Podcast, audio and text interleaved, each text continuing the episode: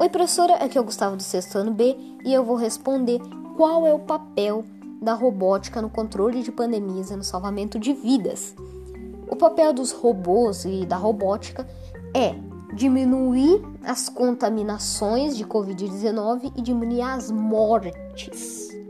E este é uma podcast, professora.